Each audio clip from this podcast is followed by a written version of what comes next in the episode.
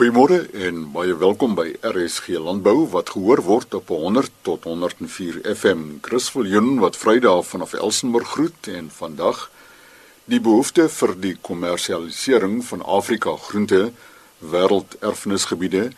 Die Augsburg Landbou Gimnasium is trots op hulle sitrusaanplantings en landboukundiges en voedselwetenskaplikes van die Universiteit van Stellenbosch gaan 'n samewerkingsooreenkoms aan met AB InBev.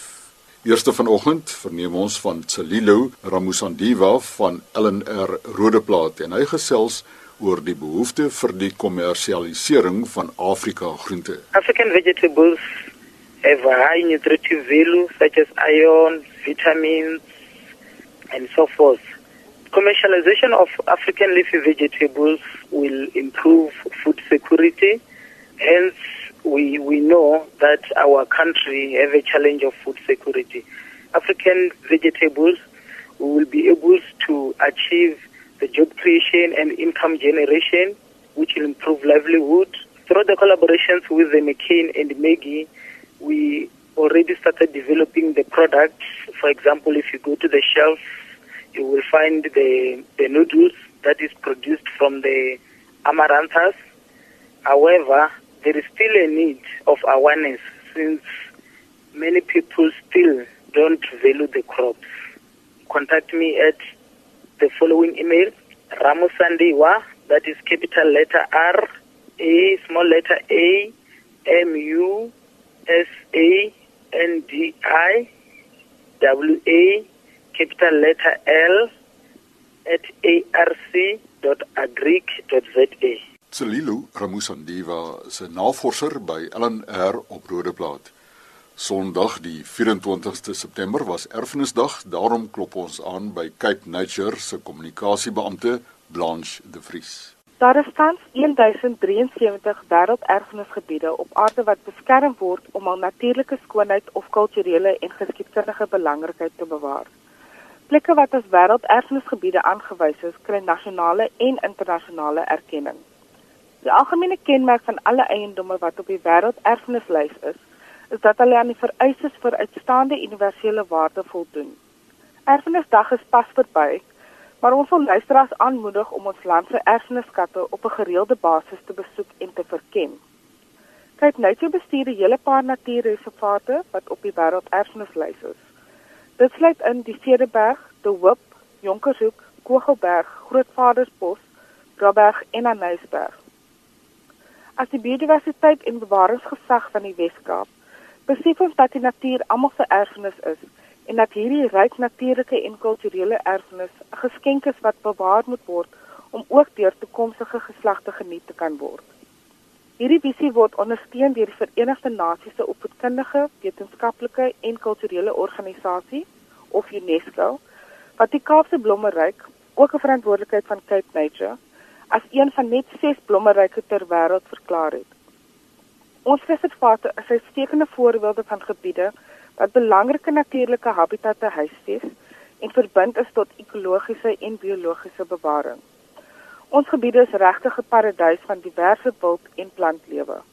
Kyk net so beywer om vir die bewaring van ons wêrelderfenisgebiede en natuurreservate en om die wondere van ons pragtsteke tentoon te stel sodat almal toegang tot hul natuurlike erfenis kan geniet.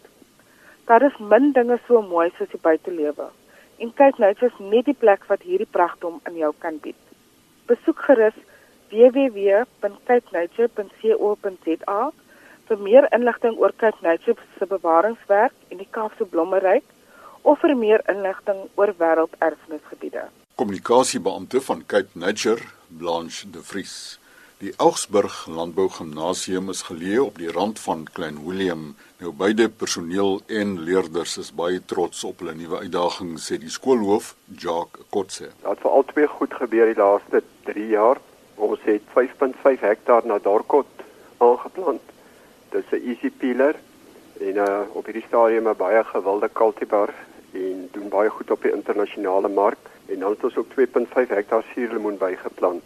Die suurlemoene is alreeds in drag. Uh dis hulle eerste seisoen. Ons het hulle so 'n bietjie vroeër as jy na Dorkot gevestig. En uh die boontjies doen baie goed. Ons het 'n uh, kundigheid van buite af ingekry. Daar's presisieboerdery toegepas. Die die produksie is baie kompeterend. Dan wat die Nadorkots aanbetref, dit is ons groot uitsien, soos ek gesê het 5.5 hektaar geplant. Dis 3665 bome. Chris wat baie positief is oor hierdie hele projek is die klomp interaksie wat daar plaasgevind het met die private sektor. Ons het ten doel gestel om vir ons leerders vir opleidingsdoeleindes vir die Augsburg kinders 'n voorbeeld te stel van presisieboerdery en beste praktyk en ek dink ons het dit reg gekry. Die projek is gedoen in samewerking met Suiderland Plase. Uh, hulle het vir ons gehelp met die oorbruggingskapitaal. Dis redelike baanbrekers op sitrusgebied en hulle het ons werklik waar gehelp om die ding reg te doen. So Suiderland het 'n groot rol gespeel dan wat die boontjies aanbetref. In Middeltuin boerdery het vir ons hierdie boontjies geskenk. Dis 'n toekenning wat hulle gekry het. So dit was 'n fenominale geskenk van hulle kant af en dit is uh, gekweek deur Stagrou. Dan was AgriMotion was betrokke by die ontwerp en die uitleg van die boord en uh, die hele aanleg. Aquaplan het ons besproeiing gedoen, is ook professionele ouens in die besproeiings op besproeiingsgebied. Uh, op ons spuitprogram het ons vir Intelligrow ook professionele ouens met biologiese beheer uh, maak ons gebruik van Exit en dan het ons die kundigheid van Dr Isak Brouwer wat ons hele plaagbeheer en die plaagbeheerprogram bestuur. Dis werklik ware klomp kundigheid wat ons hier ingetrek het en ek dink op hierdie stadium getuig dit wat daar staan, getuig daarvan dat uh, daar werklik waar uh, kundigheid by betrokke is. Wat die besproeiing aanbetref, ons maak gebruik van uh ons met die skedulering van probes. Uh DFM Solutions het ons daar gehelp. Die hele stelsel is gerekenariseer en uh is werklik baie gesofistikeerde toerusting. Ons bemesting doen ons vloeibaar. Dit gaan ook deur die besproeiingsstelsel. Ons maak van drippers gebruik. Die huidige lewering is 1.6 liter per uur en dan beplan ons om van 2018 af met 'n dubbellyn te begin. Want dan gaan die uh waterbehoefte gaan 'n bietjie optel. Uh, die uitdaging wat ons by hierdie uitbreiding het is die tipe grond waarin ons geplant het dit is nie 100% die beste grond vir dit wat vir sitrus nie.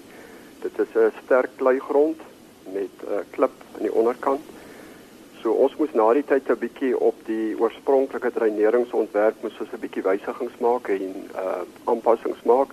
Ons moes addisioneel dreineer, maar dit is gedoen en uh, ons glo dat uh, dit sou werk. Ons kon dit nou nie hierdie seisoen toets nie omdat dit nou so min gereën het weet ons nie werklik waar hoe effektief die dreineringstelsel gaan wees nie, maar ons vertrou dat dit in plek sal wees. Ons gaan 2019 gaan ons in produksie kom in die Nadorkots en uh, ons is sien baie daarna uit want uh, ons glo op hierdie stadium as die prys bly soos dit is, glo ons ons gaan 'n paar randjies maak. Wat opleiding aan betref, uh, ons kinders was ten volle betrokke by die plant van die 3665 bome uh Suiderland se uh, kundiges het hulle ook presies gewys hoe en waarom dit so gedoen word. Dan uh is hulle baie betrokke by die besproeiing, skedulering by die nuwe uitbreiding. Hulle begin byvoorbeeld met die SABU uh, kursus van 3 dae waar hierdie uh, stelsel een van die stelsels is wat met die kinders ten volle deurgegaan word. Om saam te vat positief vir my uit hierdie hele uh, projek is heel eerste een is die baie goeie netwerk en interaksie wat ons met die private sektor gehad het. Ons het brûe gebou. Dit is vir ons vir 'n skool altyd baie goed om met die private sektor gesonde verhoudinge te hê.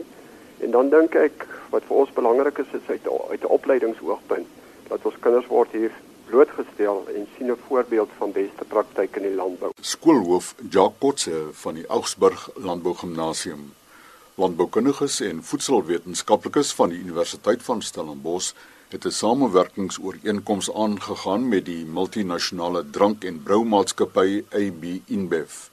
Professor Nikotse van die Departement Agronomie gesels nou vanaf Caledon oor wat die ooreenkoms behels. Ons het 'n samewerkingsooreenkoms met AB InBev nou vir die luisteraars wat nie uh miskien weet nie, het hulle het uh, verlede jaar aan die einde van verlede jaar vir Suid-Afrikaanse brouerye oorgeneem en is baie opgewonde oor Suid-Afrika en ook die res van Afrika natuurlik.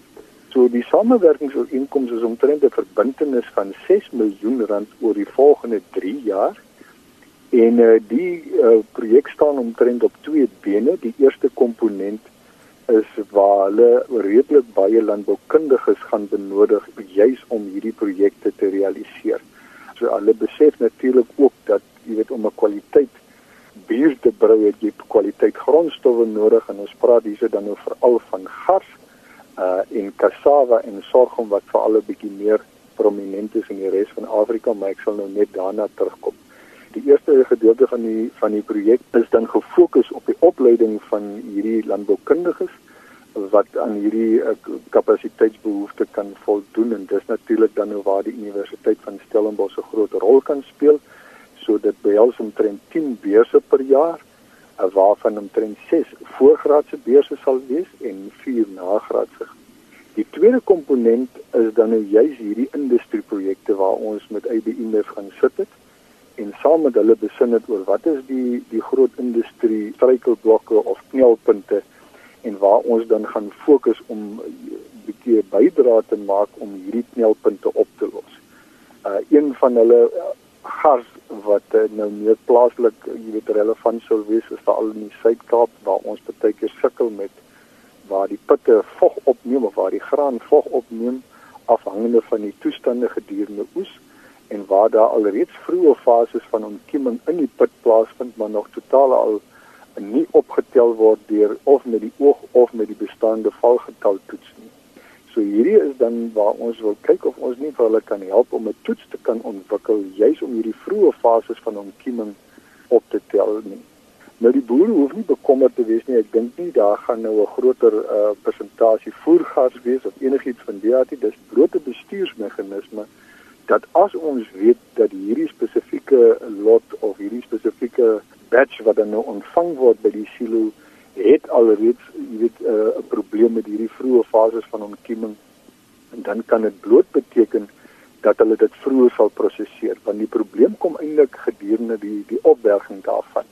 So met ander woorde die die die stoor vermoë daarvan is nie so goed nie en sou jy dit dan nou eers oor 6 maande of oor 'n jaar wil vermoed dan het jy allerlei kwaliteitsprobleme. So as ons al reeds 'n vroeë opsporingsmeganisme het, dan kan hulle dit bloot vroeër uh, vermoed en nog steeds 'n goeie kwaliteit bier daarvan maak. Cassava en die sorghum is ook interessante projekte want veral in Afrika is die laagkoste biersegment baie prominent en dis dan natuurlik cassava bier, sorghum bier en weer eens is die fokus dan om om kwaliteit te verseker.